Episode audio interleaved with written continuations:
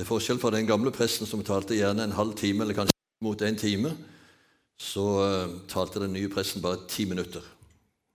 Folk syntes jo det var litt kort, men de ble jo vant med det etter hvert. Så de satte på potetene før de skulle i kirka. og Folk på Jæren spiser middag gjerne sånn i tolvtida, så når de kom hjem, var potetene kokte og steika nesten ferdig. Men så var det en søndag. Han ble aldri ferdig. Folk så på klokka og prøvde demonstrativt å peke på klokka, men han fortsatte. Endelig sa han ammen, og da tenkte folk at nå er potetene tørrkokt, og nå er steika tørr, så nå er det søndagen ødelagt. Da han kom ned i sakristiet, så var klokka ganske sent, og så sa han hva i all verden var det som gikk av deg i dag? Du ble jo aldri ferdig. Nei, du skjønner det, sa presten. Når jeg går på talerstolen, så putter jeg igjen en pastill i munnen, og den har blitt sugd opp, så det gjerne gått ti minutter, og da sier jeg ammen. Men i dag hadde jeg visst tatt en bukseknapp.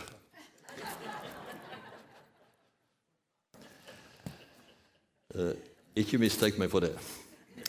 Men eh, jeg må advare dere. Dette blir en lang tale. Og når jeg underviser om eh, helbredelse på 40 dager, så bruker jeg gjerne tre timer på dette temaet.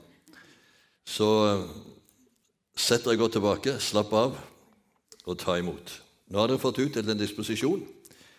Og den kan dere gjøre som dere vil, om dere vil følge med på, eller eh, ta med hjem og slå opp bibelstedene etterpå.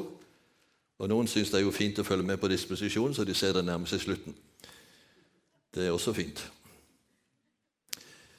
Men la meg si at dette temaet om Jesus som helbrederen, som er det jeg har fått oppgitt, det er et viktig, men vanskelig tema. Viktig fordi det er så mange syke blant oss som trenger helbredelse og vanskelig fordi det er så mange syke som ikke blir helbredet, til tross for de sterke løftene vi har i Bibelen om helbredelse, tegn og under som skal følge dem som tror. Nå står det at troen kommer av forkynnelsen, og det gjelder ikke bare tro til frelse, men også tro til helse. Og troen stadfestes av erfaringen.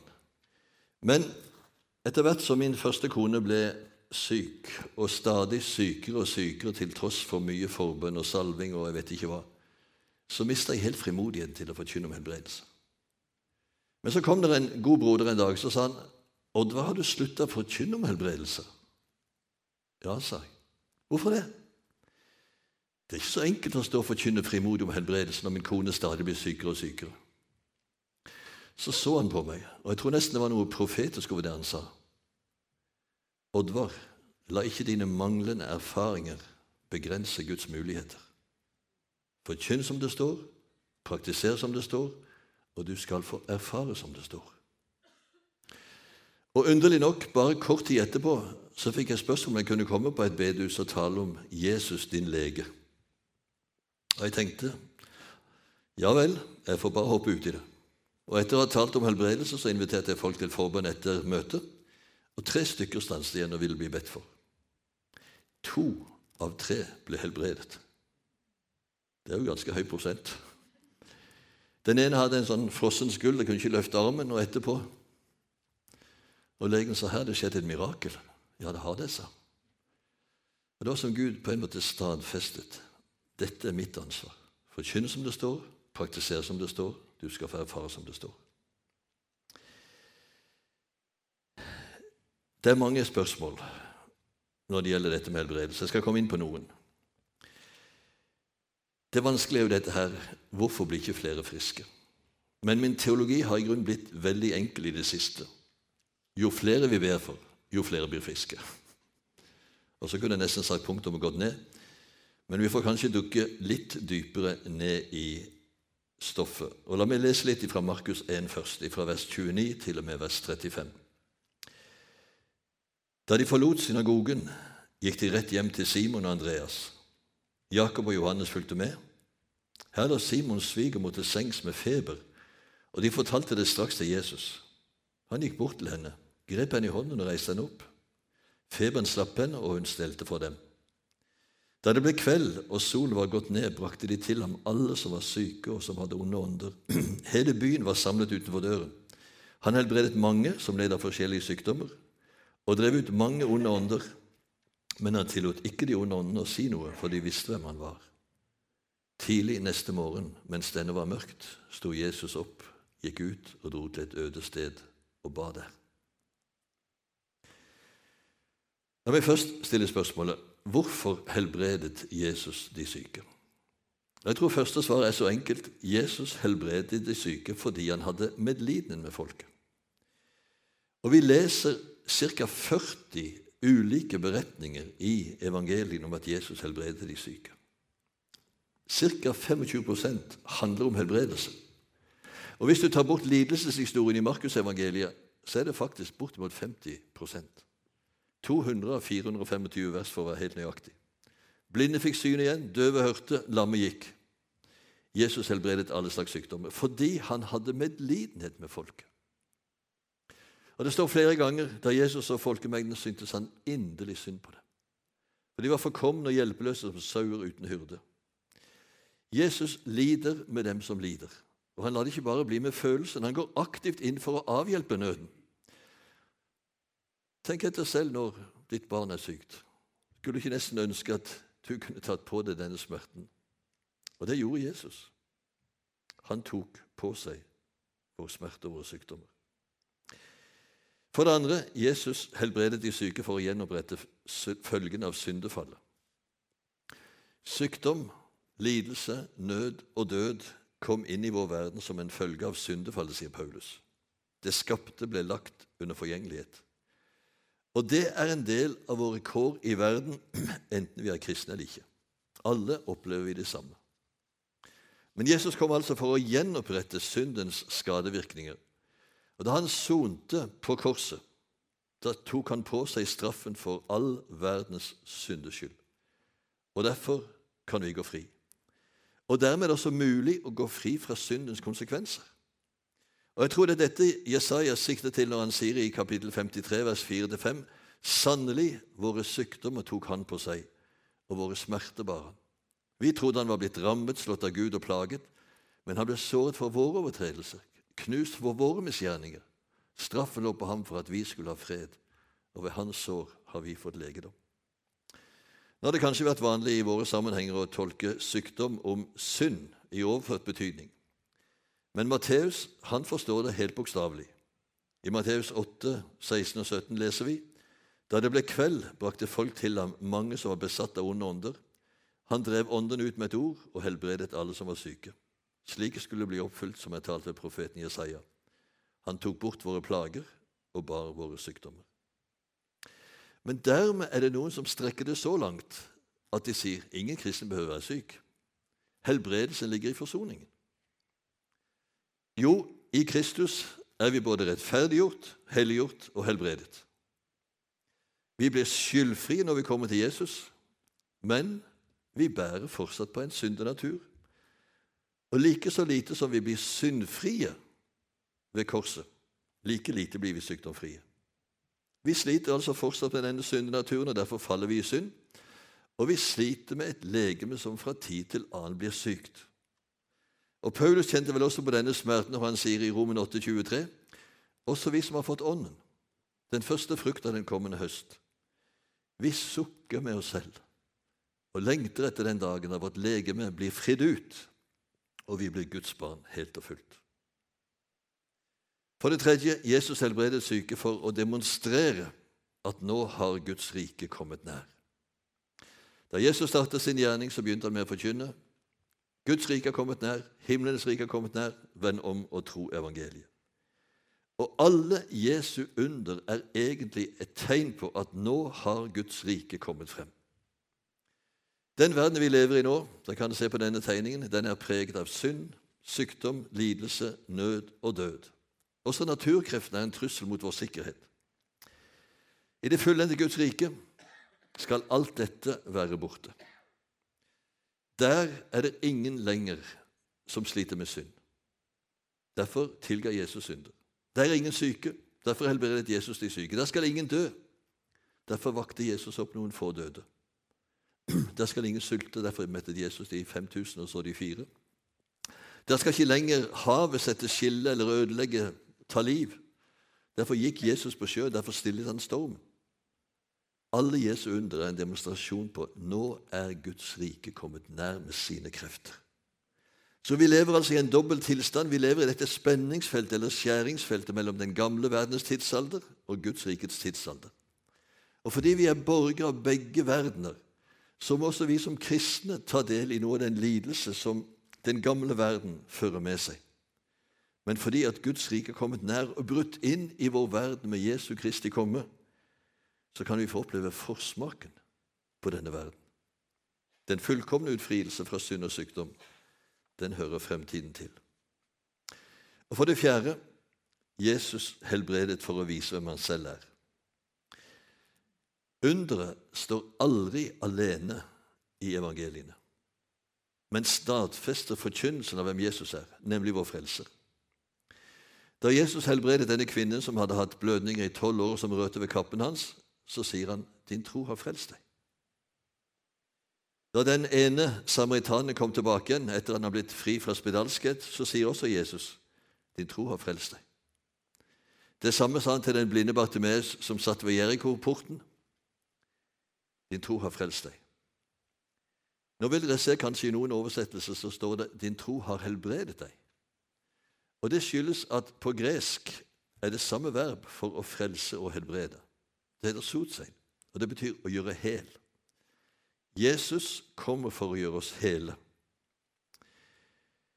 Og fordi at Jesus bar vår synd og våre sykdommer, så har han makt til å frelse og helbrede. Men det viktigste er jo å bli frelst. Hva hjelper det om du blir frisk, men går fortapt?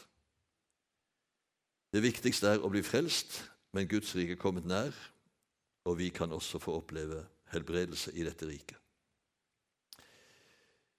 Hvordan helbreder Jesus i dag? Ja, I Hebreerne 13,8 står det at Jesus er i går og i dag den samme, ja, til evig tid. Og Derfor tenker jeg at Jesus vil at hans undergjerninger skal fortsette i menigheten, som er hans legeme i dag. Allerede under sitt jordeliv så sendte han ut de tolv disiplene og ga dem makt til å helbrede syke. Der dere kommer, skal dere forkynne. Himmelriket er nær. Helbred syke, vekk opp døde, gjør spedalske rene. Driv ut onde ånder. For intet har dere fått det, for intet skal dere gi det. Så er det noen som sier ja, det gjaldt bare de tolv. Men allerede litt senere så sender Jesus ut de 70 og gir de samme oppdrag. Helbred de syke og si Guds rike er kommet nær. Og etter oppstandelsen så gjentok Jesus flere ganger at nå skulle hans gjerninger fortsette. Allerede første påskedagskveld, like som Faderen har sendt meg, sender jeg dere. Og I denne misjonsbefalingen som vi har i slutten av Lukasevangeliet, så sier han disse tegn skal følge dem som tror. Altså Blant de troende skal dette skje. I mitt navn skal de drive ut onde ånder. De skal tale med nye tungemål, de skal ta slanger i hendene. Om de drikker dødelig gift, skal det ikke skade dem. De skal legge hendene på syke, så de blir friske. Og Når vi leser i apostlenes gjerninger, så ser vi utover hele veien hvordan dette skjedde. Allerede i kapittel 3 hører vi om Peter og Johannes som er vei opp til tempelet for å be. Det er omkring den tredje timen på dagen, klokken ni om morgenen, og der sitter en tigger ute ved porten og tigger. Og Så husker vi historien. Peter ser på han og sier, 'Sølv eller gull har vi ikke. Det vi har, det vil vi gi deg.' I Jesu Kristi Nazarens navn, stå opp og gå. Så tar han mannen i hånden og reiser han opp. og Denne mannen var født lam, og nå er han 40 år gammel. Ikke rart at han sprang rundt og lovpriste Gud. Og Det står at salvelsen over Peter var så sterk på den tiden at folk la sine syke ut på gatene for at iallfall skyggen av Peter skulle falle på dem når han gikk forbi, og mange ble helbredet. Og Vi ser opp gjennom hele Kirkens historie hvordan tegn og under og helbredelse har fulgt Kirken over hele verden. I dag skjer det både i Asia, Afrika, Sør-Amerika, ikke minst i Brasil i Sør-Amerika. Der skjer det store tegn og under. Jeg har lurt mange ganger på hvorfor skjer det ikke mer hos oss. Jeg prøver å komme litt inn på det til slutt. Men iallfall, der ordet forkynnes, der stadfestes også ordet ved de medfølgende tegn. Og jeg tenker Jesu oppdrag i dag er det samme. Forkynn evangeliet, helbred de syke. Jeg var for noen år siden i London og besøkte noen menigheter som har opplevd sterk vekst og fornyelse og kom til en menighet som heter St. Peters Church. Og Der var det en stor oppslagstavle ut forbi kirken der det sto nederst på tavla Every Sunday night, 7 p.m., healing service. Jeg tenkte han presten må få snakke med. Og Det fikk jeg. Og jeg spurte har dere virkelig forbundsgudstjeneste for syke hver bidige søndag. Ja, sa han. Kommer folk også? Ja, nå er kirken smekkfull, sa han. Ja, blir de helbredet også? Flere og flere, sa han. Og det festligste det er jo at flest ikke-kristne blir helbredet. Hva?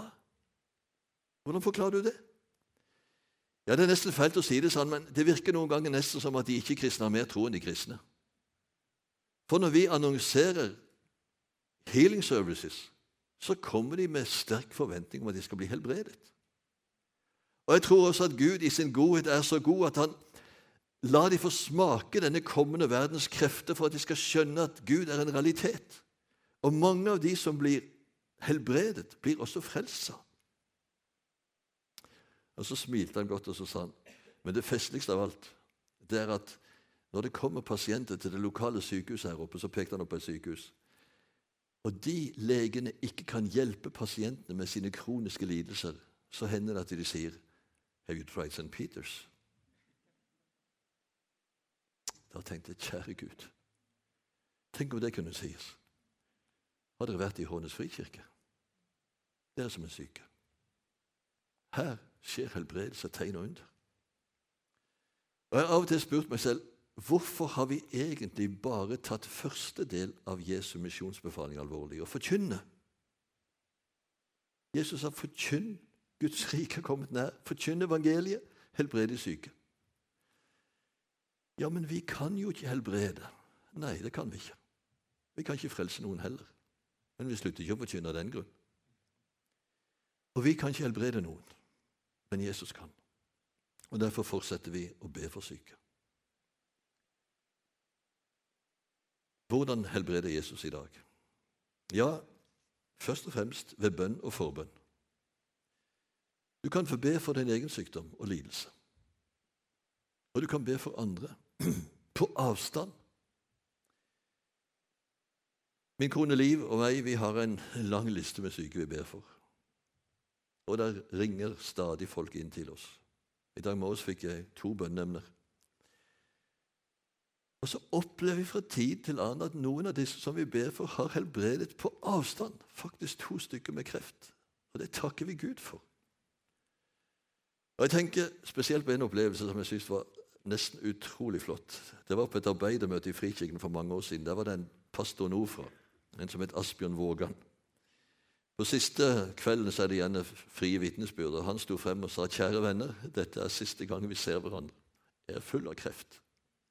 Men jeg går ikke fra dere. Jeg går bare i forveien. Jeg skal stå på himmelens strand og ta imot dere etter hvert som dere kommer. Det var ikke et tørt øye.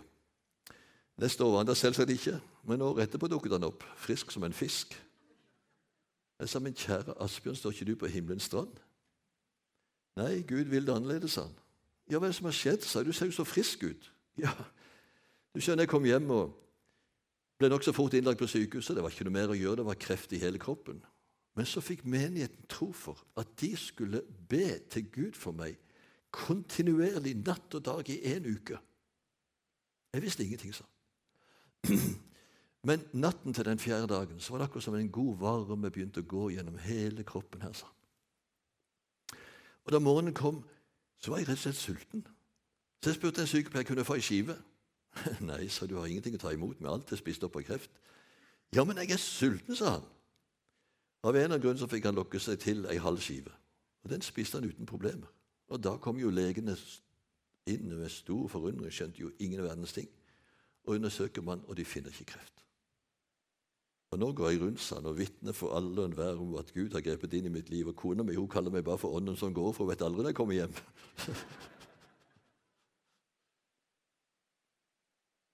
Utrolig flott vitnesbyrd. Så nevner jo Jesus selv forbud med håndspåleggelse. Og Vi leser veldig ofte at Jesus la hendene på de syke og ba for dem. Og Det sier Jesus at vi skal også få lov til å gjøre. Disse tegn skal følge dem som tror. På, hendene skal de legge, på syke skal de legge sine hender, de skal bli helbredet. Og Dette med håndspåleggelse det tror jeg både konkretiserer nå er det deg det gjelder. Men jeg tror faktisk at Gud har mange veier og måter å helbrede på og kanalisere sin helbredende kraft. Og jeg tror Noen ganger så kan vi så å si være kanaler for Guds helbredende kraft. Slik at både den som blir bedt for, og den som ber, kjenner noe av varmen i Guds kraft. Jeg husker jeg ba for en med hjerteproblemer. Og Jeg har vanligvis kalde hender pga. at jeg av og til er stresset og dårlig blodsirkulasjon. Men han sa å, det ble så kolossalt varmt. Og vi kjenner på hånden min, sa jeg. Det er jo kald. Og etterpå fikk jeg vite at han var blitt helbredet. Jeg var for en tid siden litt lenger vest i fylket og talte om helbredelse. Og gjorde som jeg pleier, inviterte frem til forbønn. Tre stykker kom frem. En hadde hatt migrene i Det er vårallergien. En hadde hatt migrene i 25 år og fikk vite etterpå at han hadde fått et nytt liv. Men så satt det en helt bakerst i rullestol. Jeg har nesten sagt han kom heldigvis ikke fram. Men et par måneder tid etterpå så hadde vi et ledermøte i Mandal. Og Der kommer denne mannen spaserende. Jeg sa, 'Si meg en ting, satt ikke du i rullestol sist vi møttes?' 'Jo da', sa han. 'Ja, men du går jo nå.' 'Ja, du skjønner det', sa han, 'at du sa jo i den talen du holdt, at Gud kunne bruke hvem som helst til å legge hendene på de syke.' Og det slo ned i kona mi, sa han. Så når vi kom hjem, så spurte hun kan jeg få legge hendene på dine syke bein og be for dem. Ja, kan skjønne du hva det sa. Jeg trodde ikke noen ting på det. Men hun har bedt for meg hver bidige kveld. Og nå kan det gå et par-tre kilometer. sa han. Så tales det om nådegave til helbrede. Det står i 1. Korintene 12,28 at Gud satte i menigheten nådegaver i flertall til å helbrede. Jeg har lurt på hvorfor står det flertall der? De andre gavene nevnes bare i entall. Betyr det at det skal være flere med denne gaven i en menighet, eller betyr det at det er ulike helbredelsesgaver for ulike sykdommer? Jeg har en god venn som tolker det siste slik. Og han har altså fått en helt spesiell gave til å be for bein som er for korte. Jeg må jo si at jeg har vært så passe skeptisk til det der. For det er klart om du strekker frem beina og beveger dem litt, så varierer lengden litt. Men han er veldig nøye på dette. Og da jeg fikk være med og se at bein som var tre-fire centimeter for korte, vokste ut. Og når jeg fikk høre at innleggssko på tre centimeter, der måtte man ta bort innleggen eller hælen få nye sko, da må jeg bare si kjære Gud, dette kan du også gjøre. Og jeg tenker, De som får en nådegave til å be for syke, de har gjerne en spesiell salvelse til dette. Og er det da kombinert med trosgaven, så skjer det oftere helbredelse. Jeg har skrevet en del om denne nådegaven i en bok som ligger der ute, 'Strømmer av levende vann'. Men jeg tror det er viktig at dere som lederskap spør hverandre har vi denne gaven i menigheten. Har vi disse gavene? Og hvis ikke, begynn å be de frem. Og legg også til rette slik at disse gavene kan oppdages i forbønn for syke. Så nevner også Bibelen salving med olje. Og olje eller salve er i Bibelen ikke noe legemiddel, men et symbol på Den hellige ånds nærvær. Og I Jakobs brev står det at den som er syk, skal tilkalle menighetens eldste. De skal salve han med olje og be for han i Herrens navn, og troens bønn skal redde den syke, og Herren skal reise han opp. Og jeg tenker at Helbredelsesgaven er egentlig gitt til menigheten, som er Jesu legeme.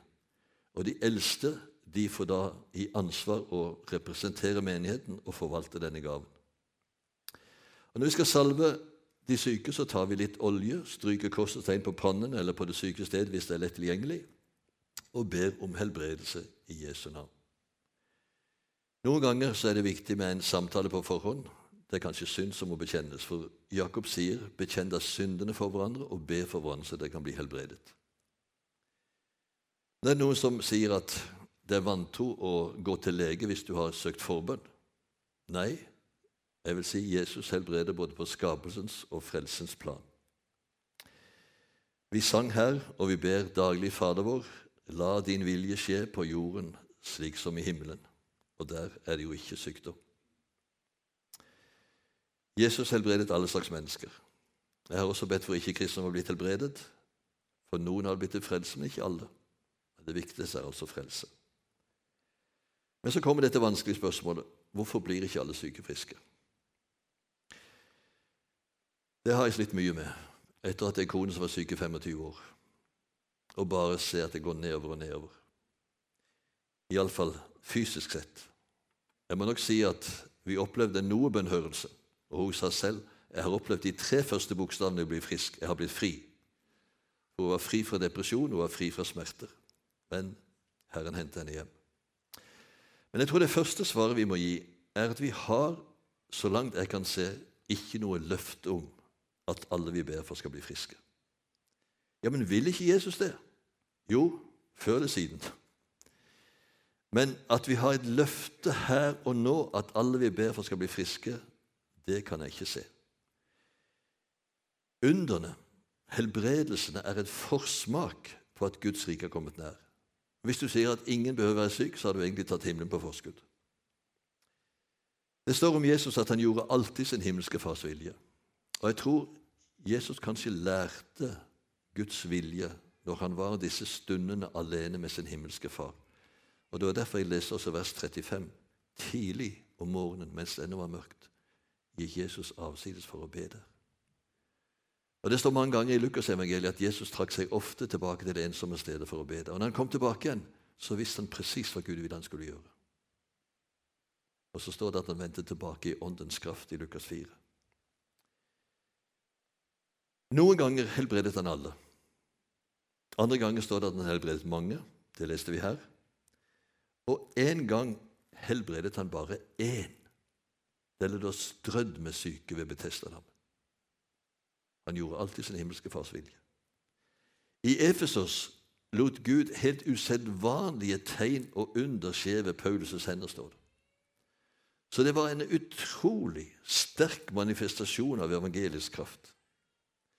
Men stakkars Timotius, som reiser sammen med Paulus, han var stadig plaget av dårlige mage og jevnlige sykdommer. Og Derfor gir Paulus han et godt råd. Drikk litt vin for din dårlige mage og dine jevnlige sykdommer. Det var et godt kjerringråd. Så var det en som het Trofimus, som også var med i følget til Paulus. Han måtte Paulus la bli igjen i Milet fordi han var syk. Og så kan vi spørre når Gud lot så aldeles usedvanlige tegn og under skjer ved Paulus' og i Efesos, hvorfor ble ikke disse friske? Det er i ikke noe svar. Men i Sveits levde det i begynnelsen av forrige århundre en gudsmann som het Samuel Zeller. Han hadde en spesiell nådegave til å be for syke, og mange ble helbredet. Men han var kronisk syk så lenge han levde. Han pleide å bruke følgende ord når han ba. Herre, dersom det er til forherligelse for ditt navn, så gjør denne din venn frisk, og gjør det nå. Men dersom det denne gang ikke forherliger ditt navn og gjør dette under, så la han være syk. Men Herre, gjør da i din nåde et annet under. Gi ham kraft til å forherlige ditt navn gjennom sykdom og trengsel. Jeg tror ikke vi har lov til å si at Gud aktivt sender sykdom. Men noen ganger ser det ut til at han tillater sykdom og lidelse fordi at vi skal holde oss nær til Han og bli berget for det evige liv. Men uansett hva som skjer med oss, så kan vi med Paulus bekjenne vi vet at alle ting tjener til det gode for dem som elsker Gud. Et annet svar hvorfor ikke mennesker blir helbredet, kan være manglende tro. Og Vi kommer ikke utenom det faktum at tro og helbredelse på en eller annen måte henger sammen. Men det blir veldig feil hvis vi legger ansvaret på den sykes tro eller trosstyrke. Det har noen gang dessverre blitt gjort. Ja, det er fordi du ikke har tro nok at du ikke blir frisk. For meg ser det ut til at det eneste som kreves fra den sykes side, er at han kommer til Jesus med sin sykdom. Og Dere husker denne faren som hadde en gutt som var ille plaget av noen ånd. Disiplene kunne ikke drive den ut. Men så kommer mannen til Jesus, og så sier han, 'Om du formår' Om jeg formår, sier Jesus. Alt er mulig for den som tror. Og Da tror jeg faktisk at Jesus tenker på seg selv. Men mannen misforstår. 'Jeg tror', sier han. 'Hjelp meg, min vantro'. Men han var ikke vantro. Hvis han hadde vært vantro, så hadde han ikke kommet til Jesus. Men han var sterkt tvilende. Men han kom allikevel og ble hjulpet. Direkte vantro, dvs. Si å ikke ville komme til Jesus, det hindrer jo helbredelse.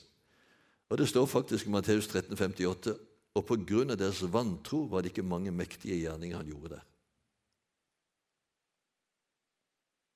Så er det noen som sier det er vantro gå til leger. Du må bare stole på Gud. Da må jeg bare si som Einar Lundby sa en gang Jesus kunne gå på sjøen, men vanligvis brukte han båt. Som jeg sa, Gud virker på begge måter. Vi har ikke rett til å kreve et under. Og i dag bruker Gud leger. Og så lenge Gud ikke har gitt beskjed eller fred for eller ro for at vi skal bære den lidelsen vi har, så må vi gjerne gå til leger igjen og igjen. Og vi skal også med frimodighet få gå bønnens vei. Jeg har blitt litt fascinert i det siste av israelsfolket som skulle gå rundt Jeriko én gang hver dag i seks dager, og den syvende gangen syv dager. Hadde det ikke vært nok å gå én gang? Så ikke sånn ut. Eller en annen mann som skulle dykke seg syv ganger i Jordan. Var det ikke nok med én gang? Nei, det var den syvende gang det skjedde. Og Noen ganger så må vi altså faktisk være i vedholdende bønn inntil Guds time kommer. For det står i 2. Korintene 6,2.: Jeg bønnhørte deg i rette tid. Og På gresk er det to ja det er flere ord for tid, men de to vanligste er kronos og kairos. Kronos er tidslinjen i sin utstrekning. Kairos er den rette tid, de guddommelige tidspunkt som Gud for forhånd har lagt ferdige for at noe skal skje. Og i den rette tid, da bønnhører Gud. I den tid det behager Han. Vi er ofte som utålmodige barn. Vi ønsker å få nå, men noen ganger sier Gud 'vent'. Noen ganger er det ting som man skal lære oss gjennom denne tiden. Avhengighet. Tillit til ham. For noen år siden kom en mann til meg etter et møte, og han var fryktelig plaget av hodepine. Han hadde harde migrenturer der han måtte være borte fra jobben, og han spiste Palgin forte som sukkerdrops, sa han. Og Det verste var han hadde fått en profeti at han skulle bli frisk, men ingenting hadde skjedd. Om det gikk an å bli bedt for igjen?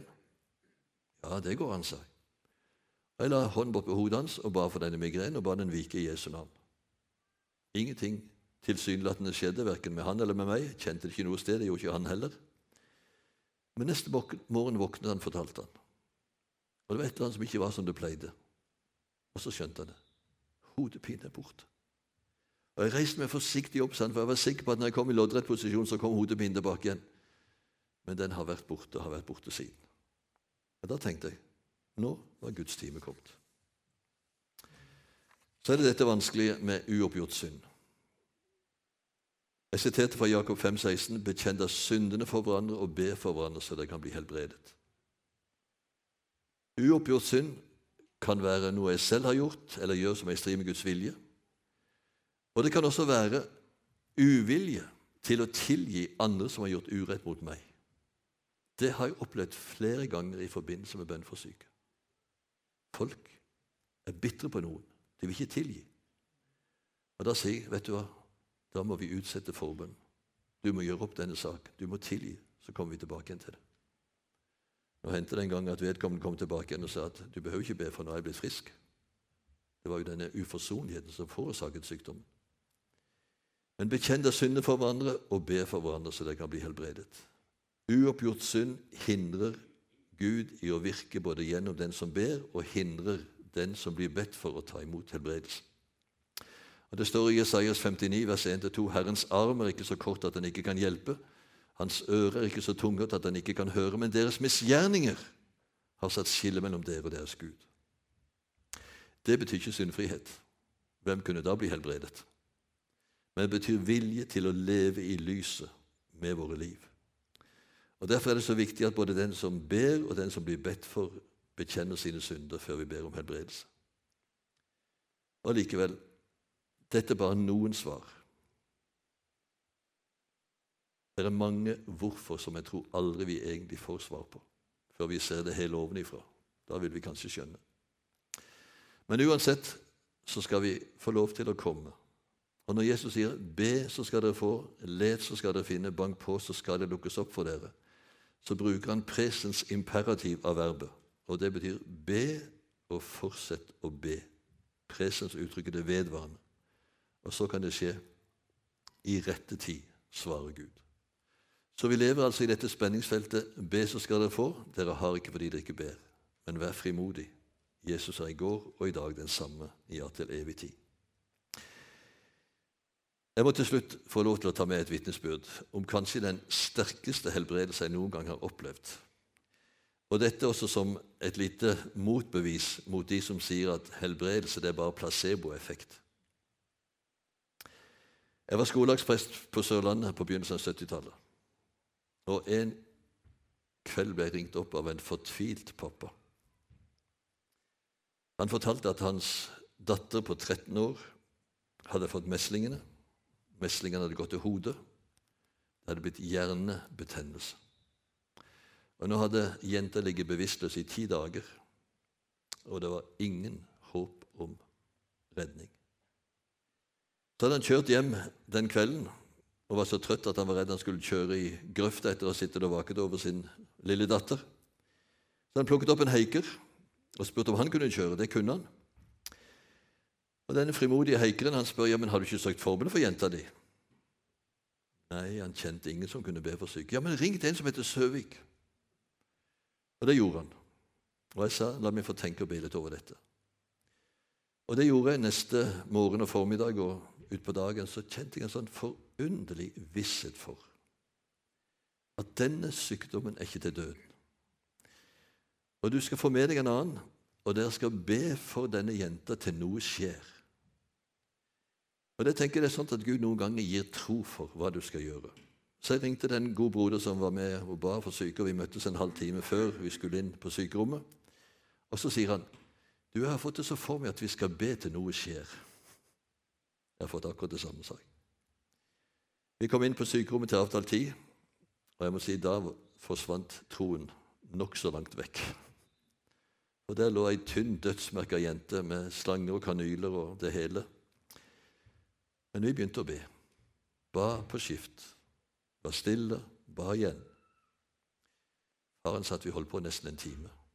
Plutselig så står hun øynene opp, ser forskremt på oss to som hun ikke kjente, ser rundt i rommet og sier 'pappa'. Og De falt over henne og gråt og lo og omfavnet henne, og vi trakk oss stille tilbake igjen. Så skulle jeg på arbeidermøte dagen etterpå, så det gikk ei uke før jeg kom tilbake igjen, og rett opp på sykehuset for å høre hvordan det hadde gått. Og Hun som satt i vakta, hun sa ja, her har det skjedd et mirakel. Jenta kom til bevissthet. Men legene sier at hjernen er så skadet at hun vil bli som et to års gammelt barn resten av livet. Sa, Kjære Gud, det var jo mye bedre å hadde fått dø. Jeg tørte ikke ringe til faren. Så går det tre uker, så ringer faren. Ja, det var fantastisk at jeg bare får jenta mi, sa han. Ja, det var det, sa jeg. Men det var forferdelig å høre at du ville bli som et to år gammelt barn. Jeg skjønner det, sa jeg. Men å ringe bare for å fortelle at du er helt frisk, vil du ikke komme og hilse på henne. Det var fantastisk. Dette fortalte jeg på et alfakurs i Lyngdal. Under temaet 'Helbrede Gud i dag'. Så kom det ei dame bort etterpå og så sa hun, 'Du, heter hun sånn og sånn?' 'Ja', sa jeg. Vet du hva? Jeg er tanten hennes. Nei, sa jeg. Åssen har det gått med henne? Gift av fem barn, sa hun. Gud er god. Han er i går og i dag den samme, ja, til evig tid. Men så sitter du kanskje her, og så sliter du med sykdom. Men Jesus er her. Jesus er nær. Og jeg tenker han går mellom stolradene og spør som han spurte den blinde Partimeus, hva vil du jeg skal gjøre for deg? Da skal du få si det du har på hjertet. Noen ganger så har det faktisk skjedd at mennesker har blitt helbredet der de har sittet i benken. Det blir også gitt anledning til forbønn. Og Hvis du vet med deg selv at du lever i lyset, så kom frimodig frem. Bli bedt for. Lagt ditt liv, din sykdom i Jesu navn. Trenger du å bekjenne noe, så er det sikkert anledning til det også. Og så kan det skje tre ting. Noen få ganger så skjer det rett og slett et mirakel. Gud griper inn og helbreder der og da. Jeg har opplevd det kanskje så mange ganger som kan telle på én hånd, ikke mer, men tross alt har gjort. Loddrett mirakel. Gud har helbredet der og da. Noen ganger så starter en helbredelsesprosess, Over tid så blir den syke frisk. Og noen ganger så får bare den syke kraft til fortsatt å bære lidelsen. Men har fått fred for og ro for dette er nå lagt i Jesu hender. Og vil du være hos Jesus, så har du et sikkert løfte om at en dag skal du bli fri fra all lidelse og sykdom. Det er jo på denne bakgrunn at Paulus sier jeg mener at det vi må lide her i tiden, ikke er for noe å regne mot den herlighet som en gang skal åpenbares og bli vår. Og Johannes fikk se inn i denne herligheten, og han skildrer det slik i Åpenbaringen 21. Jeg så en ny himmel og en ny jord. Og Den første himmelen og den første jorda veket bort, og havet fantes ikke mer. Og jeg står den nye by, det nye Jerusalem, kom ned fra himmelen fra Gud, pyntet som en brud gjort i stand for sin brudgom. Jeg hørte en røst fra troen som sa, Se, jeg gjør alle ting nye. Han skal tørke bort hver tåre fra deres øyne. Døden skal ikke være mer, heller ikke sorg eller skrik eller smerte. For det som før var, er borte. La oss be. Herre Jesus, takk at du er i går og i dag den samme, ja, til evig tid. Takk at du er her nå. Takk at du er med legedom. Ja, nå kjenner du alle, Herre Jesus. Du vet om de ulike behov, de ulike problemer, ulik smerte, hva det måtte være. Takk, Jesus, at vi kan få komme i ditt navn for din skyld og legge alt frem for deg. Så vet du selv hva du vil gjøre. Så hjelp oss, Herre, til å ta imot det du vil si, og det du vil gi. I Jesu Kristi navn. Amen. Amen.